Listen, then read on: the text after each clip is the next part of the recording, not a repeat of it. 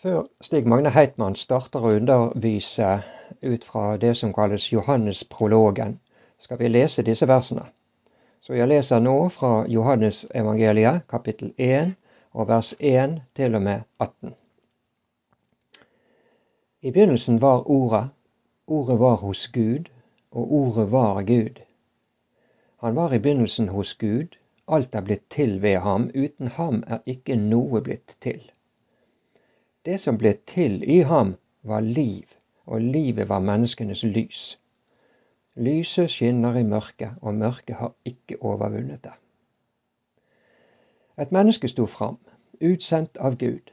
Navnet hans var Johannes. Han kom for å vitne. Han skulle vitne om lyset, så alle skulle komme til tro ved ham. Selv var han ikke lyset, men han skulle vitne om lyset. Det sanne lys, som lyser for hvert menneske, kom nå til verden. Han var i verden, og verden er blitt til ved ham, men verden kjente ham ikke. Han kom til sitt eget, og hans egne tok ikke imot ham. Men alle som tok imot ham, dem ga han rett til å bli Guds barn, de som tror på hans navn. De er ikke født av kjøtt og blod, ikke av menneskers vilje og ikke av manns vilje, men av Gud. Og ordet ble menneske og tok bolig iblant oss, og vi så hans herlighet, en herlighet som den enbårne sønn har fra sin far, full av nåde og sannhet. Johannes vitner om ham og roper ut. Det var om ham jeg sa, han som kommer etter meg, er kommet før meg, for han var til før meg. Av hans fylde har vi alle fått, nåde over nåde. For loven ble gitt ved Moses, nåden og sannheten kom ved Jesus Kristus. Ingen har noen gang sett Gud, men den enbårne, som er Gud, og som er i Fars favn, han har vist oss hvem han er. Jehovas vitner kommer og banker på døra, og så kan det skje det kan skje en av tre ting. Det ene er at vi lar de prate og dele sitt vitnesbyrd eller sin tro. Det andre er at vi sier 'beklager, det passer ikke'. Eller det tredje er at vi sier 'så hyggelig at dere kommer'. Velkommen inn.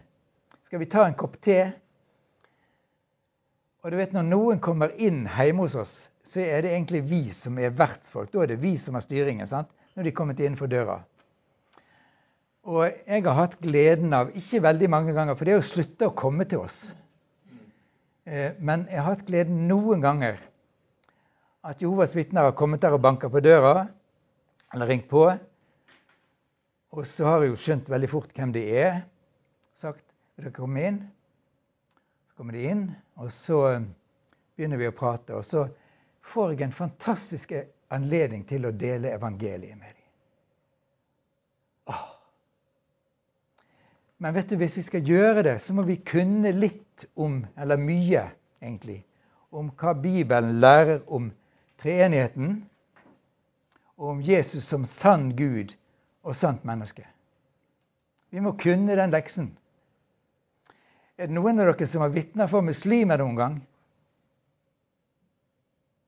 Det er utrolig interessant. Og muslimer flest de har jo lært dette her at Bibelen er en korrumpert bok. ikke sant? Eh, jødene er forandra på Det gamle testamentet, og kristne er forandra på hele Bibelen. Og dette med Jesus gjorde rett nok er han en profet. Og han er nevnt flere ganger i Koranen enn Mohammed. Og Jesus skal komme igjen ved tidenes slutt og gjøre alle mennesker til muslimer. Og hele den greia der. Jeg har noen venner i Uganda de er med i en organisasjon som heter Injil Ministries. Det er over 1000 evangelister i den organisasjonen. Alle sammen har muslimsk bakgrunn. Mange av dem har studert ved islams fremste universiteter. De kan Koranen utenat. Og så på forskjellige måter de kom til å tro på Jesus. Og de går rundt. De har gatemøter, de har parkmøter.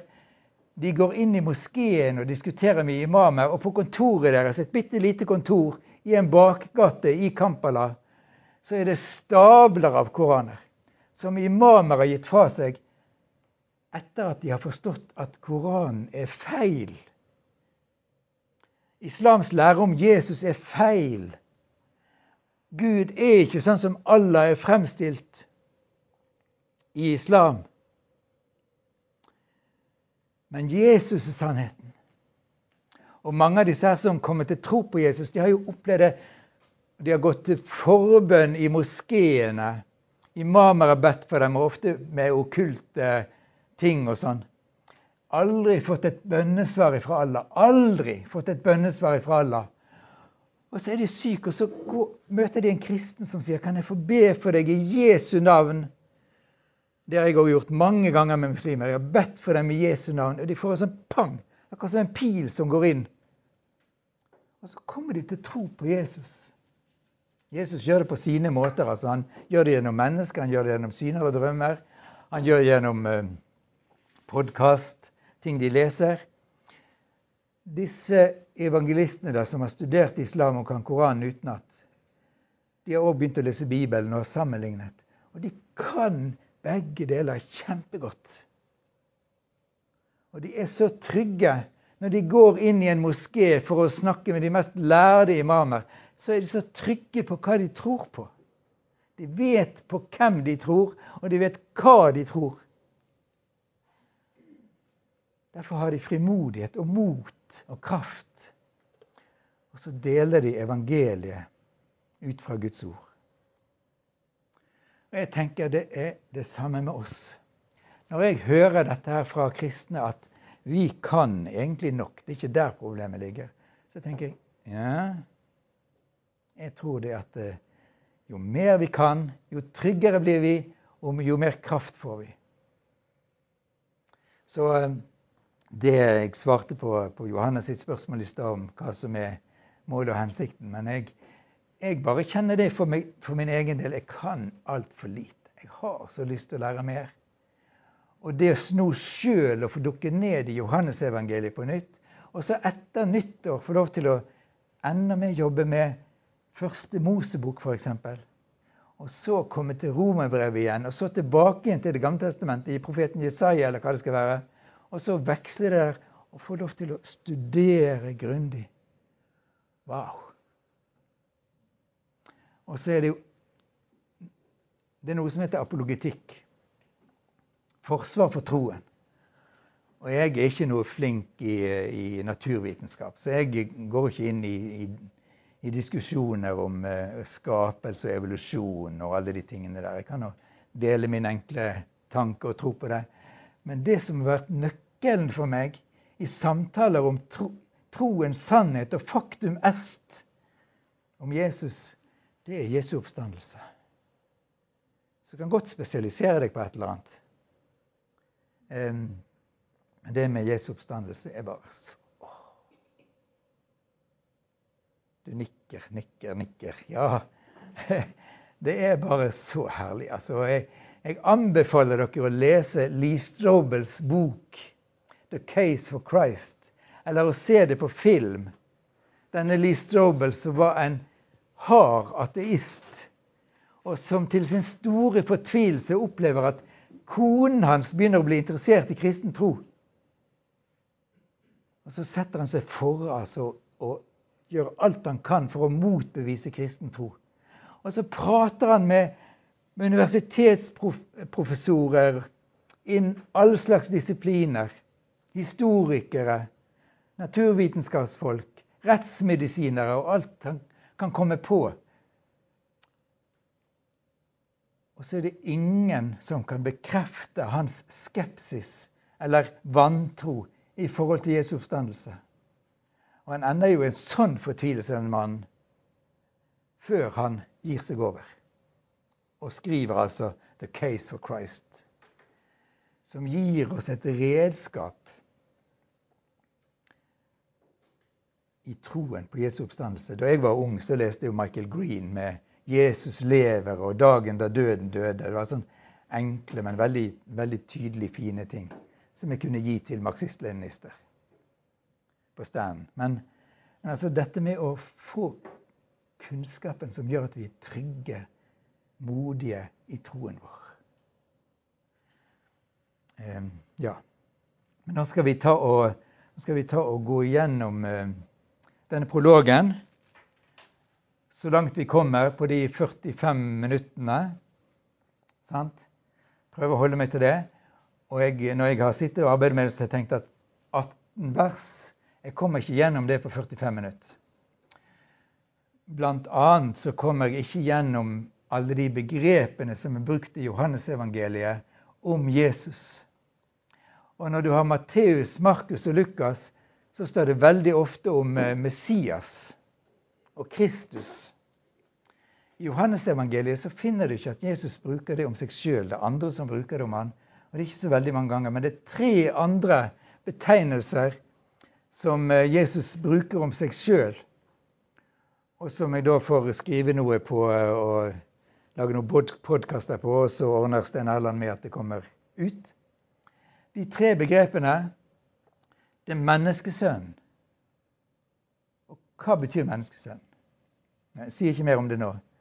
Og så er det, så er det Sønnen, eller Guds sønn. Det bruker Jesus veldig ofte om seg sjøl. Og det tredje han bruker om seg sjøl, det er utrolig interessant. Så det må jeg lage en egen artikkel på, tror jeg, Stein Erland. Jeg er. Eller jeg er, for de som ikke forstår bokmål. Eh, jeg er.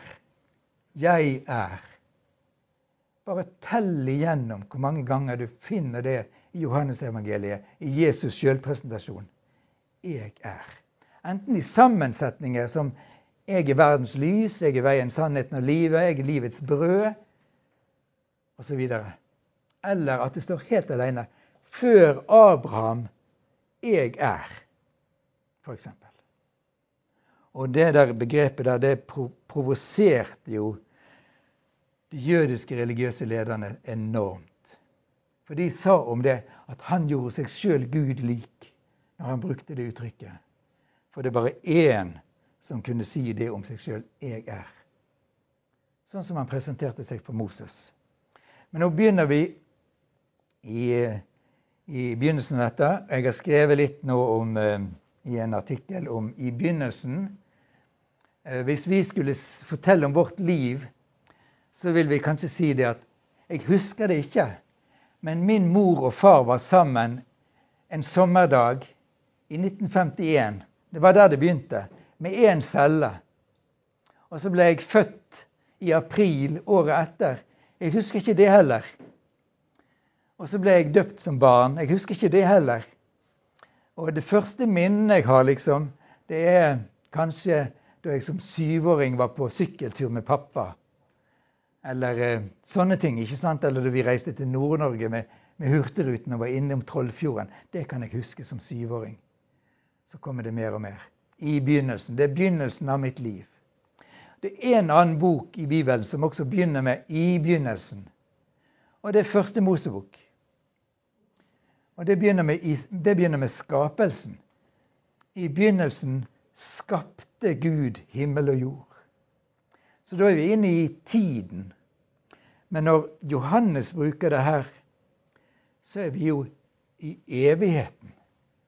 Det er jo så langt Altså, det er helt umulig for tanken å fatte det. Men i begynnelsen var Ordet. Kan du tenke deg? Det er det kjempemysterium. Når er denne Jesus fra? Han som Maria fødte. Han som disiplene gikk sammen med han som tusenvis av mennesker opplevde. Når er han fra? Johannes forteller at han er ordet, logos, som er altså fra evighet. Og i ordspråkene så fortelles det nettopp om dette at han er fra evighet, hos Gud. Og da er det òg sånn han ikke, han er ikke skapt av Gud. Det nærmeste vi kunne komme til å si noe om hvordan han er blitt til, det er født av Gud. Sånn formulerte kirkefedrene. Han er født av Gud. Han er samme vesen som Gud. Fra evighet.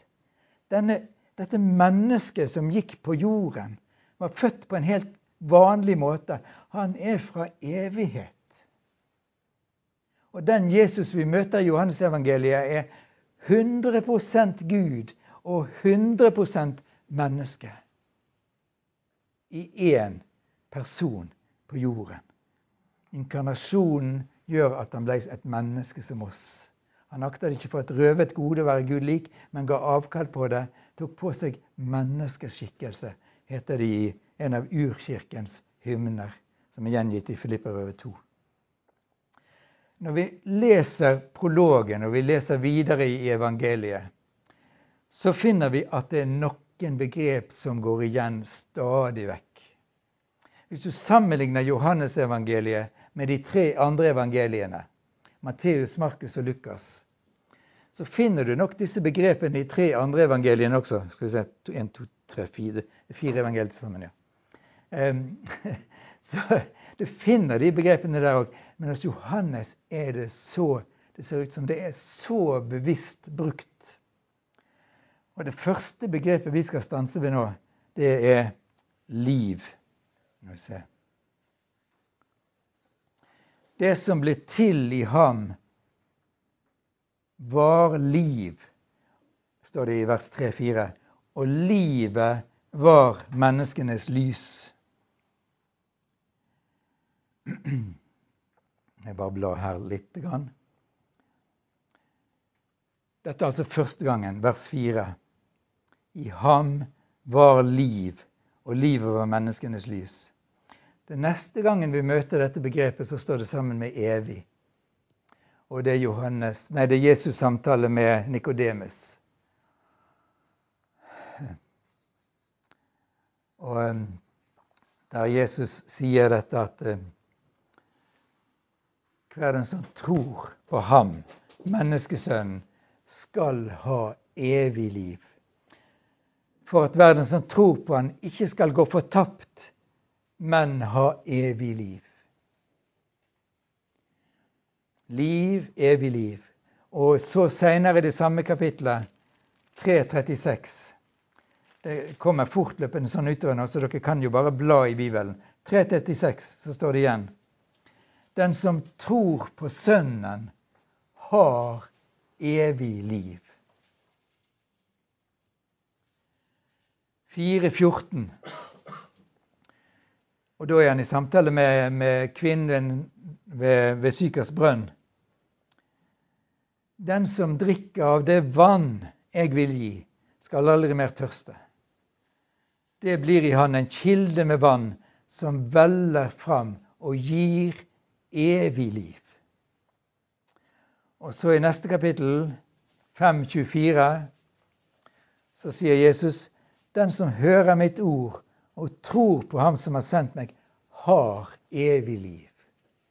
Igjen og igjen så knytter Jesus dette til seg sjøl og til forskjellige situasjoner.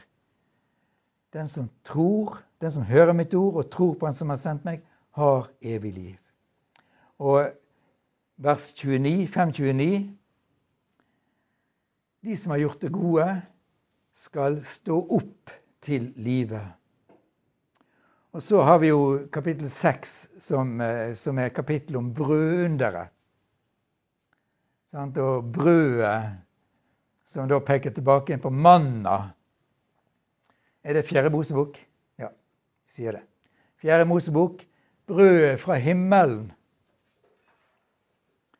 Så sier Jesus arbeid 627. Arbeid for den mat som består og gir evig liv, den som menneskesønnen vil gi dere. Og rett etterpå, fra vers 33. Guds brød er det brød som kommer ned fra himmelen og gir verden liv. Det er brødet som kommer ned fra himmelen. Så da er mannaen som kom ned, og det fortelles om i Fjerde Mosebok, da er det et tegn på Han som skal komme, nemlig Jesus. Han er sanne manna som kommer ned og gir verden liv. Og Da sier Jesus i vers 35 Jesus svarte, 'Jeg er livets brød'.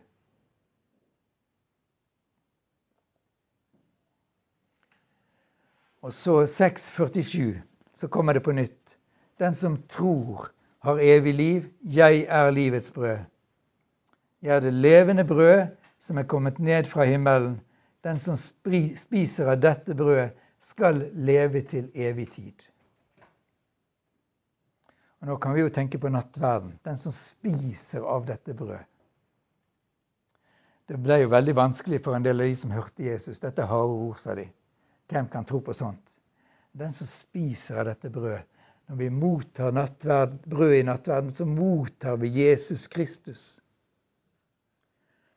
Eh, dere har sikkert eh, både hørt om og har egne, ulike tanker om akkurat det. Og vi vet at eh, det tenkes forskjellig i den katolske lære, i den lutherske lære, i den reformerte lære. Jeg har vært til stede der det er blitt delt ut, delt ut nattverd. Det blir sagt dette symboliserer Jesu legeme. Men jeg tror jo det er sånn som her. Det står her. Jeg er livets brød. Den som spiser av dette brødet, Jesus, har evig liv. Hvis dere ikke spiser menneskesønnens kropp og drikker hans blod, har dere ikke liv i dere. Men den som spiser min kropp og drikker mitt blod, har evig liv, sier Jesus. Eh, og så um, sier han også i kapittel 6, 63 De ordene jeg har talt til dere, er ånd og liv. Halleluja. For jeg tror at det er virkelig virksomt når vi tar imot dette ordet. Enten vi leser eller vi hører eller vi grunner på det, så virker Den hellige ånd i oss. Det skaper noe inni oss.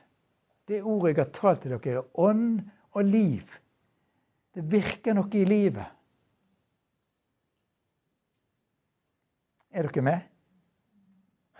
ja vel. Eh, flott.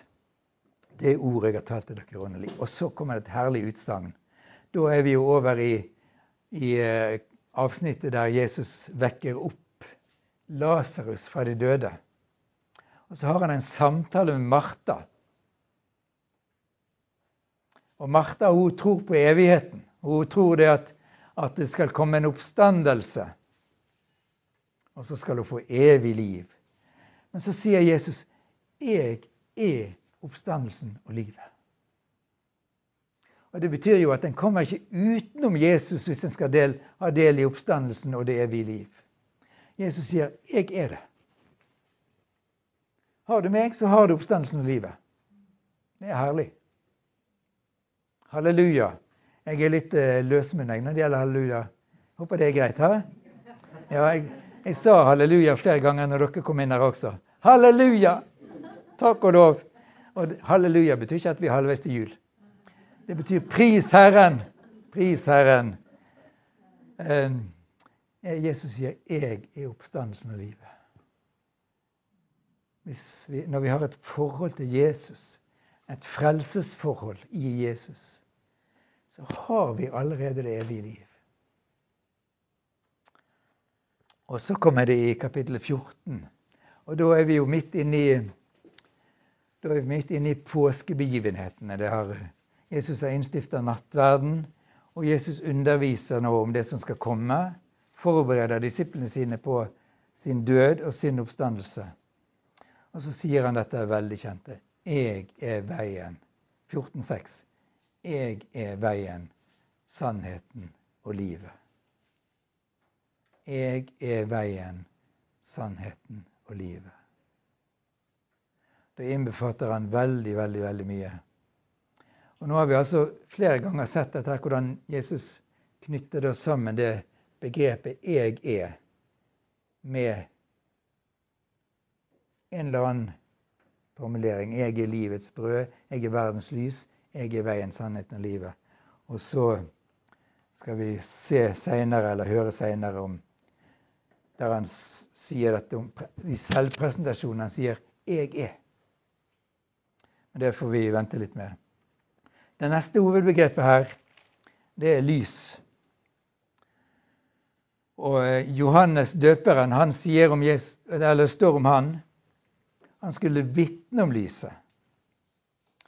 Selv var han ikke lyset, men han skulle vitne om lyset. 1, kapittel 1, vers 7. Og det lyset som han skal vitne om, det er jo selvfølgelig Jesus. Men han kaller det lyset. Når vi eh, i kapittel 7 kommer til løvhyttefestberetningen og den tenker jeg, Det er så mye interessant med løvhyttefesten og andre sånne jødiske høytider, så der har jeg også lyst til å lage en egen artikkel. Men på løvhyttefesten så var en av de tingene de gjorde, det var å bære opp noen svære gullysestaker på tempelplassen. Her er noen som er eksperter på jødedom og sånn, som kjenner litt til det.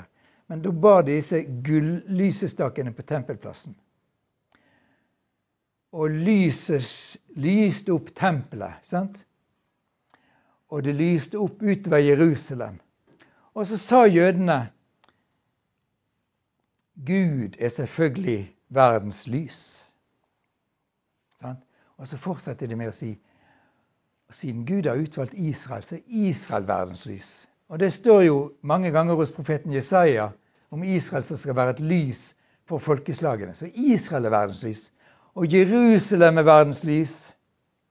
Og tempelet er verdens lys. Og Toraen er verdens lys. Så det var det de hadde. Og så kommer Jesus der, og så står han det lyser opp her, og så sier han 'Jeg er verdens lys'. På den ene side helt fantastisk, og på den andre siden provoserende. Er det han står og sier? Det er jo Gud som er verdens lys. Det er jo Toraen som er verdens lys. Det er tempelet som er verdens lys. Og så står han der og sier 'Jeg er verdens lys'. Ser, ser du hvor fantastisk det er med Jesus, altså? Skal ikke vi gi han ære for det? Skal ikke vi si halleluja? Pris Herren. Lovet være Jesus. Se hvor stor han er. Jesus står der og sier om seg sjøl. Og lyver han? Nei, han taler sannhet. Og Johannes han vitner videre og sier at det sanne lys, som lyser for hvert menneske, kom nå til verden. Dette leste Sondre i prologen. Og så seinere i kapittel tre, der vi har denne samtalen mellom Nikodemus og Jesus, så står det dette er dommen. Lyset er kommet til verden, men menneskene elsket lys, mørket høyere enn lyset. Og vet du, nå har vi opplevd noe i Afghanistan nylig. Og jeg eh, leste òg eh, en NTB-melding i Dagen for et par dager siden om eh, 6000 Boko Haram-soldater i Nigeria som har overgitt seg til, til regjeringshæren. Og umiddelbart så vil vi si fantastisk. Men vet du, nede i Nigeria så sier Åh. For det som skjer, er jo at det er IS i den vestafrikanske provins som overtar. Og har Boko Haram, Boko Haram vært regna som en av verdens verste terrororganisasjoner, så er IS verre. Vi har Afghanistan, vi har Nigeria, vi har Nord-Korea. Det er så mange plasser i denne verden som har bruk for verdens lys. Vi skal valge Norge. Vi, vi, kan bare, vi kan bare altså Uansett hvem som får regjeringsmakten i Norge, så er det fantastisk, Det er nesten himmelsk sammenlignet med de verste stedene på jorden. Um, selv om det er forskjell, selvfølgelig. Men, men altså Verden elsket mørket høyere enn lyset. Der er vi. Der er vi som budbringere eller som lysbærere. Der er den kristne kirke som lys i verden. Fordi vi representerer Jesus. Vi reflekterer Jesus ut i verden. La verden få se lyset. For det her er så tydelig i Johannesevangeliet at det går et skille. Jeg skal komme litt til det når vi skal se på begrepet verden. Men det er sånn at Gud elsker verden. Og Gud lengter etter at verden skal ta imot lyset. Og så er det en del av verden som blir blitt forført, som elsker mørket høyere enn lyset.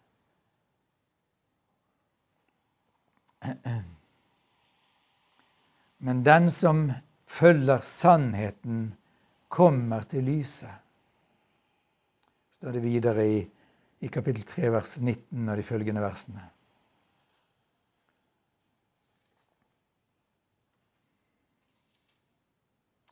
Hos profeten Jesaja så står det i kapittel 49 vers 6 om Herrens tjener, som vi da tenker. Det er jo Jesus. Gud sier, 'Jeg gjør deg, Jesus, til et lys for, for, for folkeslag', så min frelse kan nå til jordens ende.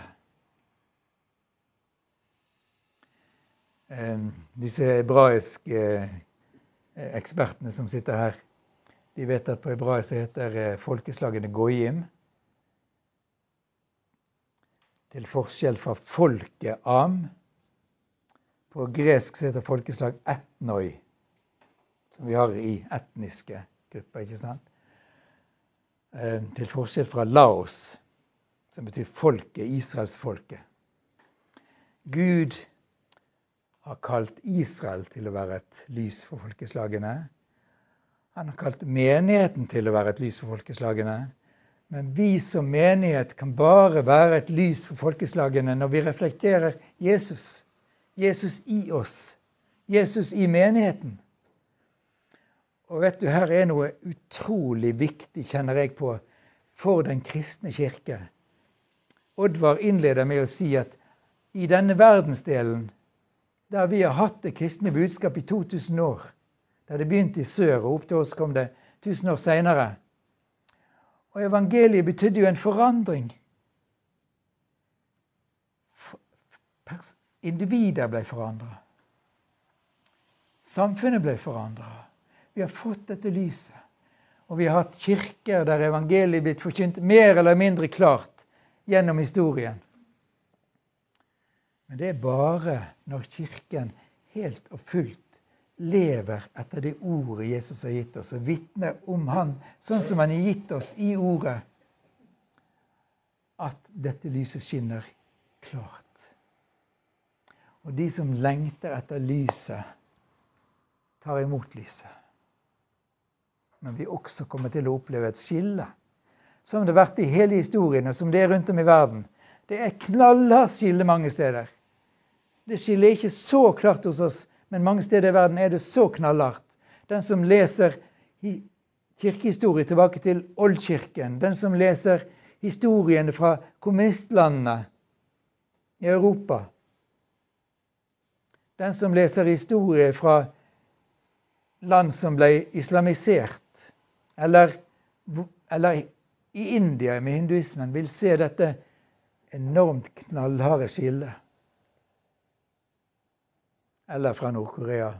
Det er bøker som er skrevet om Nord-Korea som heter 'Mørkets rike'. Der ser du virkelig kontrasten.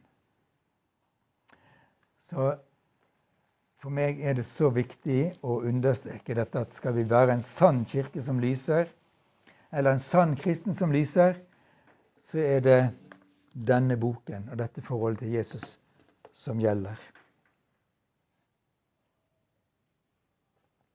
Da tror jeg at eh, Ja, ett et, et bibelord til. Kapittel 12, vers 35 og følgende. Der, der svarer Jesus ennå en stund det var, en, det var en predikant som sa det. Den herligste lyden han vet om, det er når han hører noen bla i Bibelen.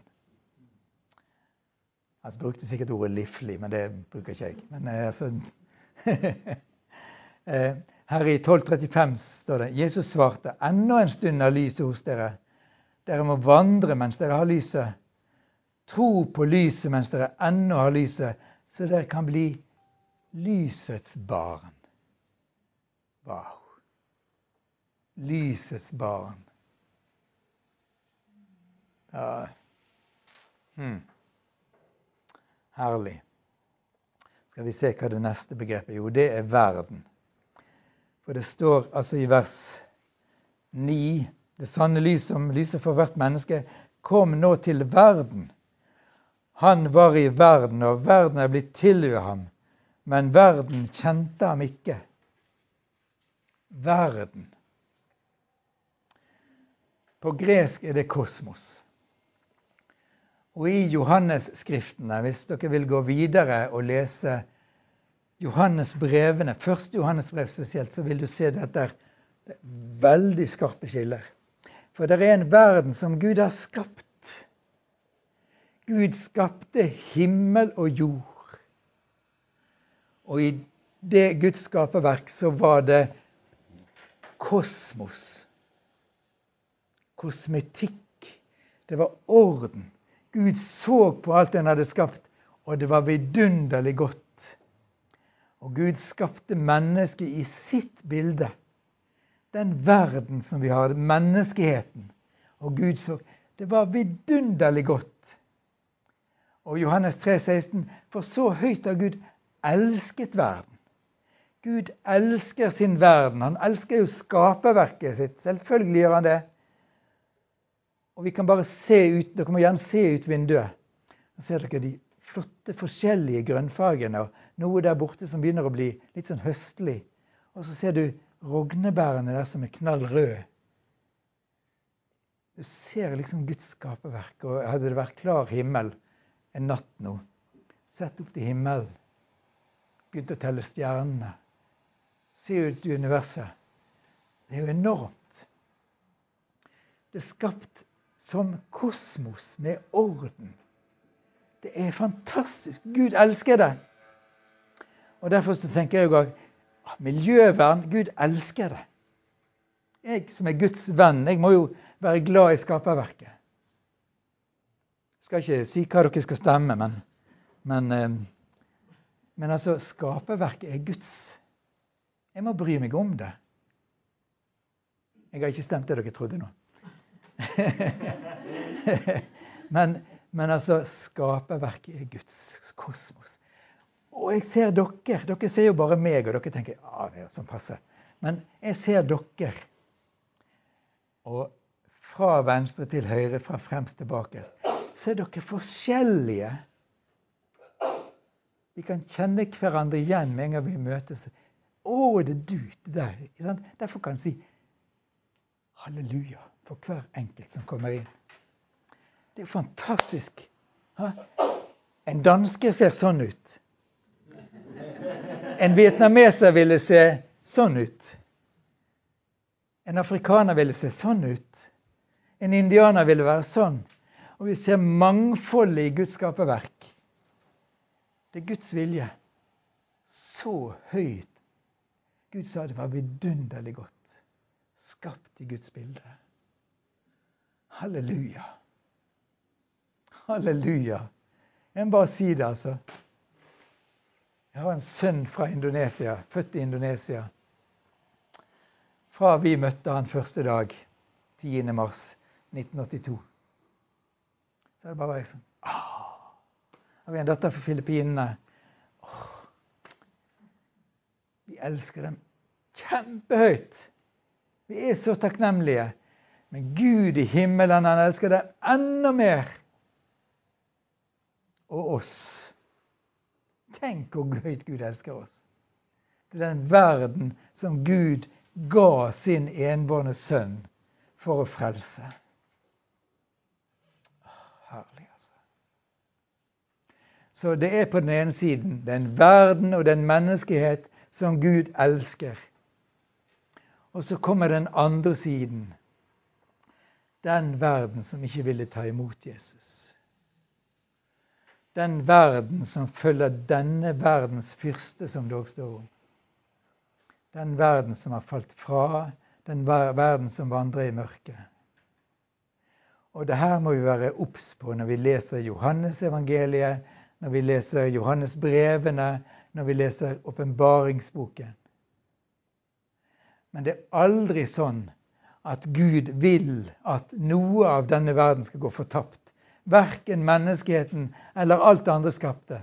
For denne verden, skaperverket, lengter etter Guds barns forløsning. Og Når vi leser de to siste kapitlene i åpenbaringsboken, så er det som vi er tilbake igjen til første, de to første kapitlene i første Mosebok. Det er en svær bue over alt sammen. Det Gud skapte, skal overgås i gjenskapelsen. Og Johannes han får se inn i det åpenbaringen. Og det er fantastisk, det han får se.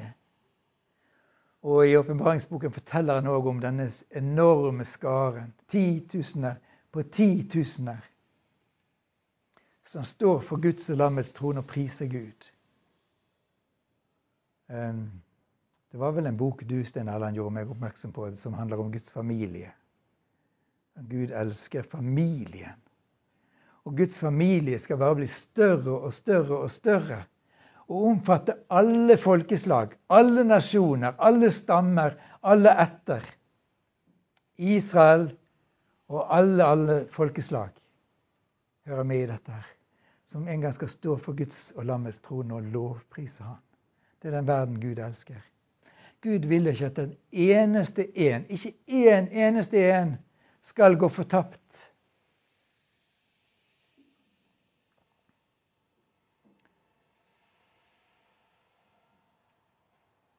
Det er virkelig et, eh, et rop gjennom evangeliet.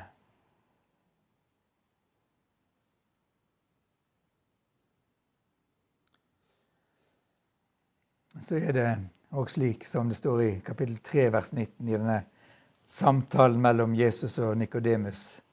Dette er dommen. 3.19. Dette er dommen. Lyset er kommet til verden.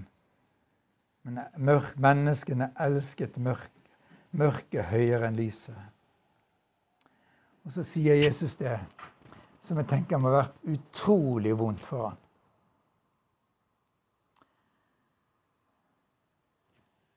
I kapittel 7, vers 7. Verden kan ikke hate dere, men meg hater den. Den verden som den treenige Gud har skapt Jesus var der ved skapelsen. Den verden som Gud har skapt, har vendt seg bort fra ham. Jesus ber en bønn som vi kaller den ypperste prestelige bønn. Det er kapittel 17.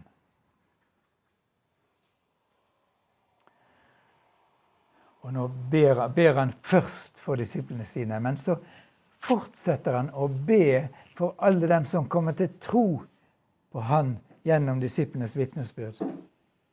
I vers 6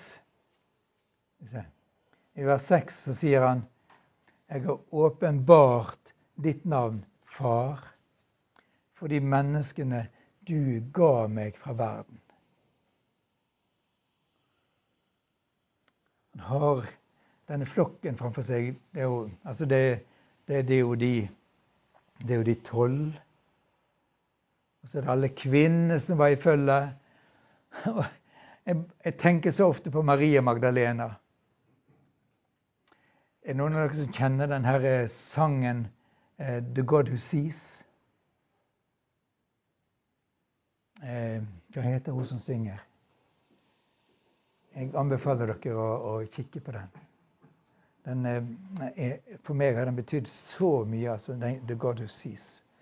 Men den, den, siste personen som Jesus, som den sangen handler om, det er Maria Magdalena. Hun satt i mørket. Hun var så plaget av onde ånder. Og Det var ikke den kraft på denne jord, heller ikke jødiske lærde, som klarte å sette henne fri. Hun var så bundet. og I denne filmatiseringen The Chosen så følger vi Maria Magdalena fra hun var lite barn. Hun hadde opplevd en frykt i sitt liv som bandt henne. Ingen klarte å sette henne fri. Og så kommer Jesus der. Sier Maria, Miriam. Og, og ånden i raser mot han. Men Jesus bare sier det om igjen og om igjen. Og Maria Magdalena blir satt fri. Og fra den dagen følger hun Jesus. Og Jesus ber til far for de menneskene han ga fra verden. Maria Magdalena var en av dem. Og så fortsetter Jesus i vers 9 å be. Jeg ber for dem. Jeg ber ikke for verden. Så kommer det i vers 14. Og dette er den andre betydningen av verden. Men verden har lagt den for hat, for de er ikke av verden. Slik heller ikke jeg er av verden. Jeg ber ikke om at du skal ta dem ut av verden, men at du skal bevare dem fra det onde. Eller fra den onde. Det er det vi ber om i Fader vår òg. Frels oss fra det onde, men den genitivformen kan like godt bety fra den onde på gresk. Og det er forskjell på det vonde og det onde. Så Jesus ber for sine disipler frels oss fra det onde og den onde, som i ytterste konsekvens betyr fortapelsen. Men som underveis betyr frels dem fra all forførelse Frels dem fra all synd. La dem bli bevart i ditt navn. Og så kommer da dette i vers 18. Som du har sendt meg til verden, har jeg sendt dem til verden. Der er, det er en verden som har falt fra Gud. Men Jesus har et mål. Denne verden skal tilbake til han.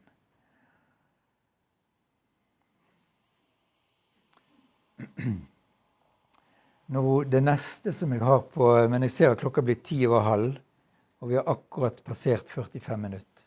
Men jeg skal Alltid sånn med meg. Jeg skal bare. Nei, Det er, det er ett begrep som jeg har lyst til å ta nå før jeg, før jeg avslutter, og så får de andre ligge til seinere. Men det er det begrepet som kommer på slutten av denne, denne eh, prologen. Og det er ordet herlighet. Ordet herlighet. Guds herlighet. Jesu herlighet. Vers 14. Ordet ble menneske og tok bolig blant oss, og vi så hans herlighet. Jeg har kjempelang vei å gå. Men jeg, jeg tror jo dette her at eh, selv om jeg ikke opplever det på en måte, så tror jeg Jesus, Gud, litt og litt og litt åpner mine øyne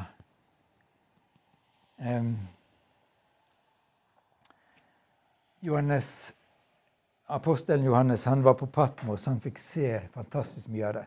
Han fikk se inn i det himmelske. Han fikk høre. Åh. Så jeg, tenker, jeg har tenkt mange ganger at hvis noen kom og sa til Johannes på Patmos at jo, nå Johannes, skal du få lov til å komme ut fra denne mørke gruvegangen der du tenker at du kommer til å dø eller du holder på å arbeide livet av deg, og du blir slått av eh, herrene som passer på slavene. Du skal få komme tilbake til Efesos. Så sier eh, Johannes, vent litt, vent litt. Det er bare så fantastisk. Jeg ser Guds herlighet. Jeg har sett Jesus i hans herlighet. Johannes han skriver vi så hans herlighet. De vandret sammen med Jesus i tre år. De så at han helbreda mennesker. Åpna blindes øyne, reiste opp lamme, dreiv ut onde ånder. Hadde noen kvinner framfor seg som var fordømt, og kanskje fordømte seg sjøl. Og Jesus sa, 'Heller ikke jeg fordømmer deg'. Han satte dem fri. Og Johannes skriver jo dette evangeliet når han er blitt en gammel mann, kanskje rundt år 90. Han hadde vært vitne til Jesus sang på korset og sa, 'Far, tilgi dem'. Og etter oppstandelsen, når han løper til graven, han kommer før Peter, og han kikker inn i graven, han ser bare linkledet ligge der. Hva er det som har skjedd? Og så kommer Jesus og møter dem. Naglemerkene. Eller ved stranden ved Genesaretsjøen. Vi så hans herlighet. Johannes hadde sett det. Det er ut fra dette vi har en teologi som heter doksologi. Åpenbaring av herligheten. Gi Gud æren og bli lovsynger. Så lovsynger Han i Hans herlighet. Og da eh, Det kom noen grekere før påske og sa til Philip vi vil gjerne se Jesus. Jesus kommer til Nei, Philip kommer til Jesus og sier det er noen som vil se deg. Så sier Jesus timen er kommet da menneskesønnen skal bli herliggjort. Og så snakker han om hvetekornet som skal falle jorden og dø. Og vet du, Dette her er en annen type herlighetsteologi enn det mange av oss har hørt om. Dette er en herlighetsteologi som handler om Jesus som skal falle i jorden og dø, som skal henges på et kors. Og det er den herligheten apostlene gikk ut i verden og forkynte. Det som verden ville oppleve som en heslighet, det kan Jesu disipler forkynne som en herlighet. Og Jesus sier òg da til denne timen skulle komme Far, La ditt navn bli herliggjort. Midt inn i det som kunne se ut som et nederlag. Far, la ditt navn bli herliggjort. Du som gir din sønn for å frelse verden. Og da Judas går ut døren der på, på, fra salen der Jesus har feira nattverd med disiplene sine, så sier Jesus nå ble menneskesønnen herliggjort, og Gud ble herliggjort gjennom ham. Og så fortsetter det sånn i den ypperste festlige bønn. Jesus sier, Far, timen er kommet. Herliggjør din sønn, så sønnen kan herliggjøre deg. Jeg herliggjorde deg på jorden da jeg fullførte den gjerning du ga meg å gjøre. Far, Gi meg nå din herlighet, den herlighet som jeg hadde hos deg før verden ble skapt. Så sier han noe veldig forunderlig. Den herlighet du har gitt meg, sier han, far, du har gitt meg, har jeg gitt dem. Har jeg gitt mine disipler, og vi er vi er blant dem. Ja, vi gir oss der, og så kommer resten av prologen på annen måte. Så ja, hva slår du av det?